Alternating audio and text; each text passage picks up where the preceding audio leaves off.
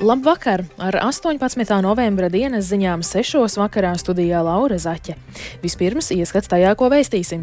Latvijā atzīmē Latvijas Republikas neatkarības proklamēšanas 105. gada dienu. Simtiem cilvēku evakuējušies no Gazas pilsētas lielākās slimnīcas Ašifas slimnīcas. Latvijas futbola izlase šovakar aizvadīs spēli pret Horvātijas valsts vienību. Par šiem un citiem tematiem plašāk ziņu turpinājumā.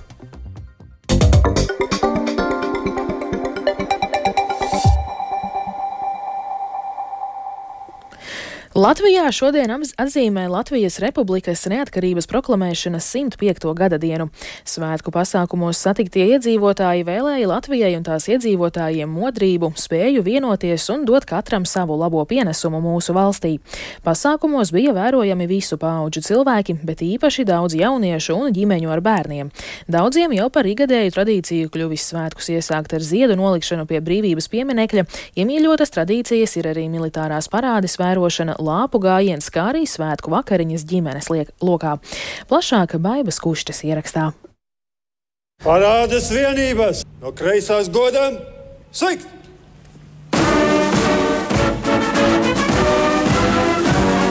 Militārā parāde 11. novembra krastmalā bija viens no visplašāk apmeklētajiem svētku pasākumiem Rīgā, bet diena sākās ar ekumenisko dievkalpojumu Rīgas domā, svinīgo ziedu nolikšanas ceremoniju pie brīvības pieminekļa, kam sekoja svinīgā saimas sēde, un citi gan tradicionāli, gan tieši šī gada svētkiem oriģināli veidoti pasākumi. Pie brīvības pieminekļa jau rīta pusē ar ziediem rokās Latvijas karoga krāsās satiku Anitu un Kārli. Mums rīts sākās jau agri. Mēs nākam katru gadu nolikt ziedus. 18. novembris ir viens no svarīgākajiem datumiem Latvijas vēsturē. Tas ir jāatzīmē visiem latviešiem, lai atcerētos, no kurienes mēs esam nākuši un cik svarīgi ir mūsu vēsture un to, ko mūsu senči cīnījās. Es jūtos ļoti laimīga Latvijā. Man šķiet, ka mums ir brīnums skaista zeme un, protams, vienmēr kaut kas varētu būt labāk, bet man šķiet, ka ja mēs būsim tādi atvērti un ticēsim tam, ka katrs varam kaut ko pielikt, lai valsts turpinātu attīstīties, es ticu, ka Latvija tikai augs. Arī Leopoldam un viņa māmiņai Aijai svarīgi katru gadu svētkos nolikt ziedus pie brīvības pieminekļa. Valsts svētki viņiem cieši savījušies ar ģimenes svētkiem. Man ir dzimšanas diena 14. tad ir Leopoldam vārdiem, tad ir vēl vienam brālim 16. dzimta, tad mēs visu nedēļu tādā svētku. Un tad šodien jau kulminācija. Tā mēs svinam katru gadu. Un es skatos pēc ietērpa, ka Leopolds ir jauns sargs. Izstāsti mazliet, ko tu dari jaunsardzē. Mācos šaut, mācos sajaukt šaut un salikt, mācos stājas. Un ko tev šie svētki nozīmē 18. novembris? Latvija ieguva brīvību. Doma laukumā sastopu Līgu ar dēliem Emīlu un Ralfu. Viņi vērojuši militāro parādi, mazliet nosaluši un nu dodas svētkus svinēt ģimenes lokā. Latvija paliek 105 gadi, un mēs svinēsim. Mēs noteikti mājās ēdīsim kūku arī Latvijas krāsās. Cenšamies, cenšamies, jā, jo puikas aug un ir jāsaņemās, lai gan varbūt mazliet viņi ir augsti. Tomēr jā, ir jāatnāk un jāskatās un jāpiedalās. Kopā ar visiem tā svētku sajūta jāiegūst. Satieku arī Pēteri ar mazo dēliņu, kuri tieši šodien aizsākuši jaunu tradīciju. Šodien ļoti labs noskaņojums. Šogad pirmo reizi ar savu dēlu atnācu nolikt ziedus pie pieminiekļa. Ceru, ka tā būs jauna tradīcija. Tāds pacilājošs uzreiz noskaņojums. Es esmu Latvijas, mans dēls ir Latvijas, un tomēr mums ir dots savu valsts, un mēs to novērtējam. Un cerams, ka tā būs vienmēr. Šī varētu būt tāda jauna tradīcija, bet kādas līdz šim jums ir tradīcijas ģimenē? Nu, mēs esam lieli Latvijas patrioti, jo mēs esam tautas deju dejotāji, paudzēm jau. Mēs ar sevi joprojām to darām. Dēls jau to dara. Tā kā -hmm. mums Latvija ir tuvu un viss tā vēsture un kultūra. Un novēlējums vēl Latvijai. Es esmu stipra un liela kā vienmēr. Vēlējumam pievienojoties Baiba Kušķe Latvijas Rādio. Mēs visi Latviju gribam redzēt stipru, drošu un taisnīgu, un šajā ziņā mums ir daudz jāstrādā. Tā Latvijas radio šodien teica valsts prezidents Edgars Rinkēvičs. Viņš arī atzina, ka cilvēki novados norāda uz patiesām problēmām - medicīnā, skolās vai pensiju lielumā, tomēr sarūktinājumā ir jūtams arī patriotisms. Lai kā mēs dažreiz pamostamies ar tādu īgu noskaņojumu, ka viss ir atkal slikti. Atcerēsimies, ka mums ir pašiem sava valsts, pašiem ir iespēja izvēlēt, kā attīstīt. Nenovērtēsim par zēmu brīvību. Tā nav pašsaprotama, tā ir jāsaka katru dienu. Es esmu pilnīgi pārliecināts, ka mūsu valsts nākotne pašreizējai situācijas kontekstā mūsu valsts ir labās un drošās rokās. Bet tas, lai tā labi attīstītos, ir atkarīgs pilnīgi no katra no mums. Vēl šovakar gan Rīgā, gan daudz viet citur Latvijā notiks dažādi svētku pasākumi. Piemēram, Rīgā pie brīvības pieminekļa jau pēc stundas sāksies svētku koncerts Tautas balsis dziesmās. Savukārt astoņos vakarā pie brīvības pieminekļa gaidāma valsts prezidenta uzruna, kā arī pirmo reizi svētku vēsturē multimediāls lāzeru uzvedums.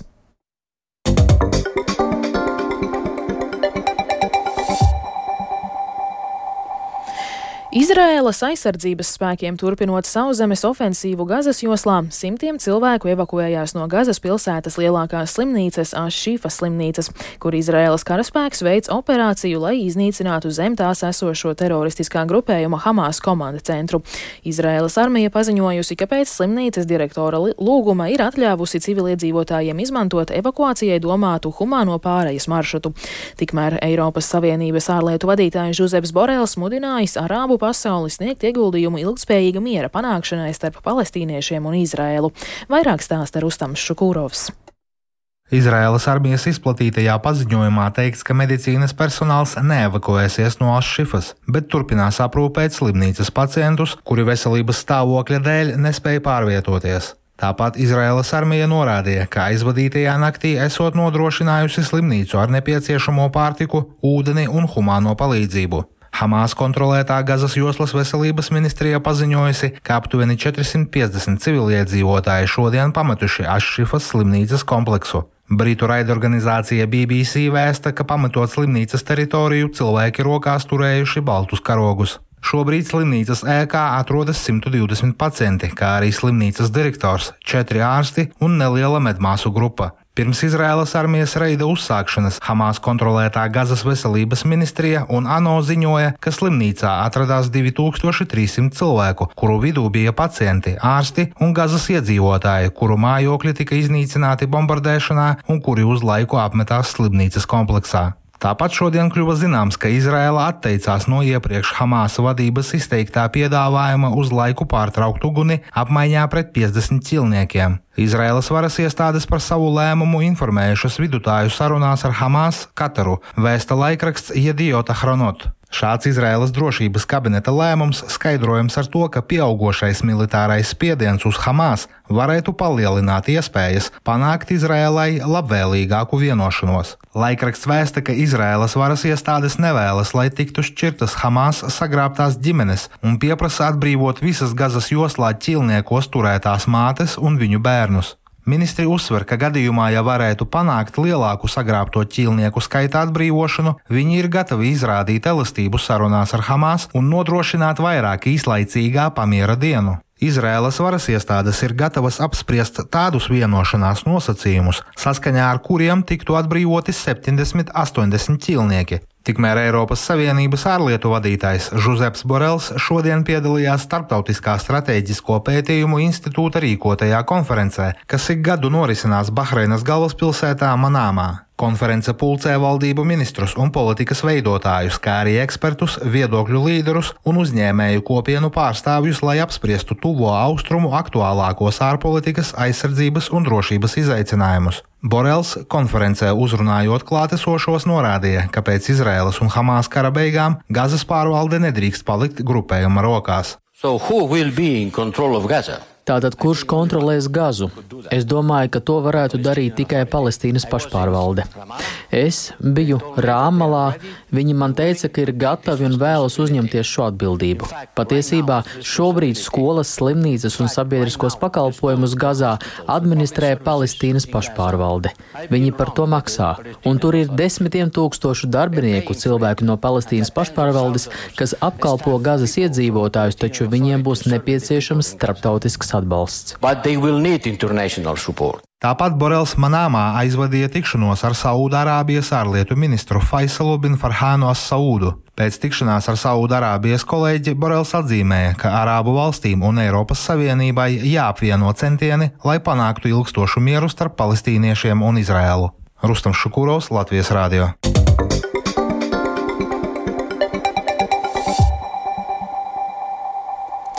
Un vēl valsts svētku vakarā jau pēc nepilnas stundas Skonto stadiona laukumā dosies Latvijas futbola izlase, lai mērotos spēkiem ar pasaules kausa bronzas medaļniekiem Horvātiju. Plašāk par futbolu un citiem šīs dienas sporta notikumiem stāsta Māris Bergs. Latvijas futbola izlase šovakar noslēgs Eiropas čempionāta kvalifikāciju, spēlējot pret Horvātiju. Mūsējie vairs nevar izrāpties no pēdējās vietas grupā, savukārt Horvātiem šovakar obligāti vajag uzvaru, lai cīnītos par vietu fināla turnīrā. Pirmo savstarpējo spēli septembrī Riekā Latvijas izlase labprāt aizmirsta. Jau pēc 13 minūtēm Horvāti bija vadībā 2-0, bet beigu beigās Horvātiem graujoša uzvara 5-0. Viens no Latvijas izlases spēlētājiem Alvis Jaunzems atzīmē, ka Latvijai savā laukumā sākumā mazāk jārespektē ļoti meistarīgie pretinieki un jāspēlē agresīvāk. Neuzspiedām to savu spēles stilu no paša spēles sākuma un ielaidām ātri vārdus. Kaut kur varbūt pārāk daudz cienījām pretinieku un ļāvām viņiem darīt vairāk. Tāpēc uh, ceru, ka uzspiedīsim vairāk savu spēli, spēlējot mājās valsts svētkos. Ceru izrādīt lielāku cīņas spēru. Latvijas-Horvātijas spēles sākums futbolā jau septiņos vakarā. Nacionālajā basketbola asociācijā laukumā šonakt pēc vienas spēles izlaišanas atgriezās Kristaps Porziņģis, kurš palīdzēja Bostonas Celtics ar 108-105 uzvarēt Toronto Raptors. Porziņģim nepilnās 35 minūtēs laukumā 14 punkti, 12 atlikušās bumbas un 5 rezultatīvas piespēles. Latviešu basketbolists pēc spēles intervijā vietējiem medijiem pauda, ka Bostona parādījusi raksturu izcīnot panākt smagu uzvaru. Domāju, ka pirmo ceturdaļu un arī otro puslaiku nesākām tā, kā mums pašiem gribētos. Tas, kas man patika, bija, ka cīnījāmies un atguvāmies, īpaši spēles beigās, kad publika bija skaļāka. Saglabājām pārliecību, trāpījām metienus un uzvarējām. Priecājos par parādīto raksturu. Viņi spēlēja ar lielāku enerģiju. Kad spējām piedāvāt tādu pašu enerģiju, spēle pavērsās mūsu virzienā. Nacionālajā hokeja līgā Zemgus Girgensons un Buffalo Sabres ar 2-3 zaudēja Vinipēgas džets. Girgensons Sabres sastāvā šorīt spēlēja 12,5 minūtes, viņam izpildot divus spēka paņēmienus un arī vienu metienu pa vārtiem, taču punktus gūt neizdevās. Floridas Panthers sastāvā šorīt atgriezušies abi vadošie aizsargi Ārons Ekbalāts un Brendans Montūrs, kuri sezonas sākumā nespēlēja, atlapstot pēc starpsezonā veiktajām operācijām. Tas nozīmē, ka Uvis Balīnskis un viņa tradicionālais pārinieks Džošs Mahūras šodien nebija pieteikti spēlē, savukārt Pantērs ar 2-1 uzvarēja Anaheimas Dāks. Pasaules kausa posmā Ķīnā bobslajā četrniekiem Emīls Cipulis kopā ar saviem stūmējiem ieņēma ceturto vietu. Pēc pirmā brauciena viņiem dalīta otrā vieta, taču otrais brauciens latviešu ekipāžai nepadevās tik labs. Otra Latvijas ekipāža ar Jēkabu Kalendu pie stūres ieņēma pēdējo 11. vietu. Dubultu uzvaru vāciešiem pirmais Johannes Lohners ar saviem stūmējiem, bet Frančisko Friedrichs otrais. Rīt bobslēgstiem Ķīnā vēl vienas sacensības četrniekos, bet par sportu šovakar man tas arī viss. Ar to izskan 18. novembra dienas ziņas. Producents Viktors Pupiks ierakstus montēja Uldis Grīnbergs, pieskaņu pults Katrīna Bramberga, bet studijā Laura Zaķe. Īsumā par svarīgāko. Latvijā atzīmē Latvijas Republikas neatkarības proklamēšanas 105. gada dienu. Simtiem cilvēku evakuējušies no Gazas pilsētas lielākās slimnīcas, Šifas slimnīcas. Latvijas futbola izlase šovakar aizvedīs spēli pret Horvātijas valsts vienību. Un vēl tikai par laikapstākļiem. Yeah. Gaisa temperatūra Rīgā šobrīd ir mīnus 1 grāds un pūš dienvidu vējš 3 m2. Atmosfēras spiediens 772 mm, bet relatīvais gaisa mitrums ir 82%. Naktī Latvijā būs pārsvarā mākoņains un vietām galvenokārt kurzemē un vidzemē gaidāms neliels sniegs. Atsevišķi ceļu posmi būs slideni. Pūtīs lēns dienvidu puses vējš un gaisa temperatūra naktī būs mīnus 6, mīnus 2 grādi, vietām piekrastē mīnus 2,0 grādi. Rīta dienā būs mākoņains, brīžiem skaidrosies, un dienas pirmajā pusē dažviet iespējams neliels sniegs. Atsevišķi ceļu posmi arī dienā būs slideni. Pūtīs dienvidu, dienvidu austrumu vējš 2,6 m2, un gaisa temperatūra valstī būs no mīnus 2 līdz plus 2 grādiem. Bet laika prognoze rītdienai ir otrā, tā ir labvēlīga. Thank you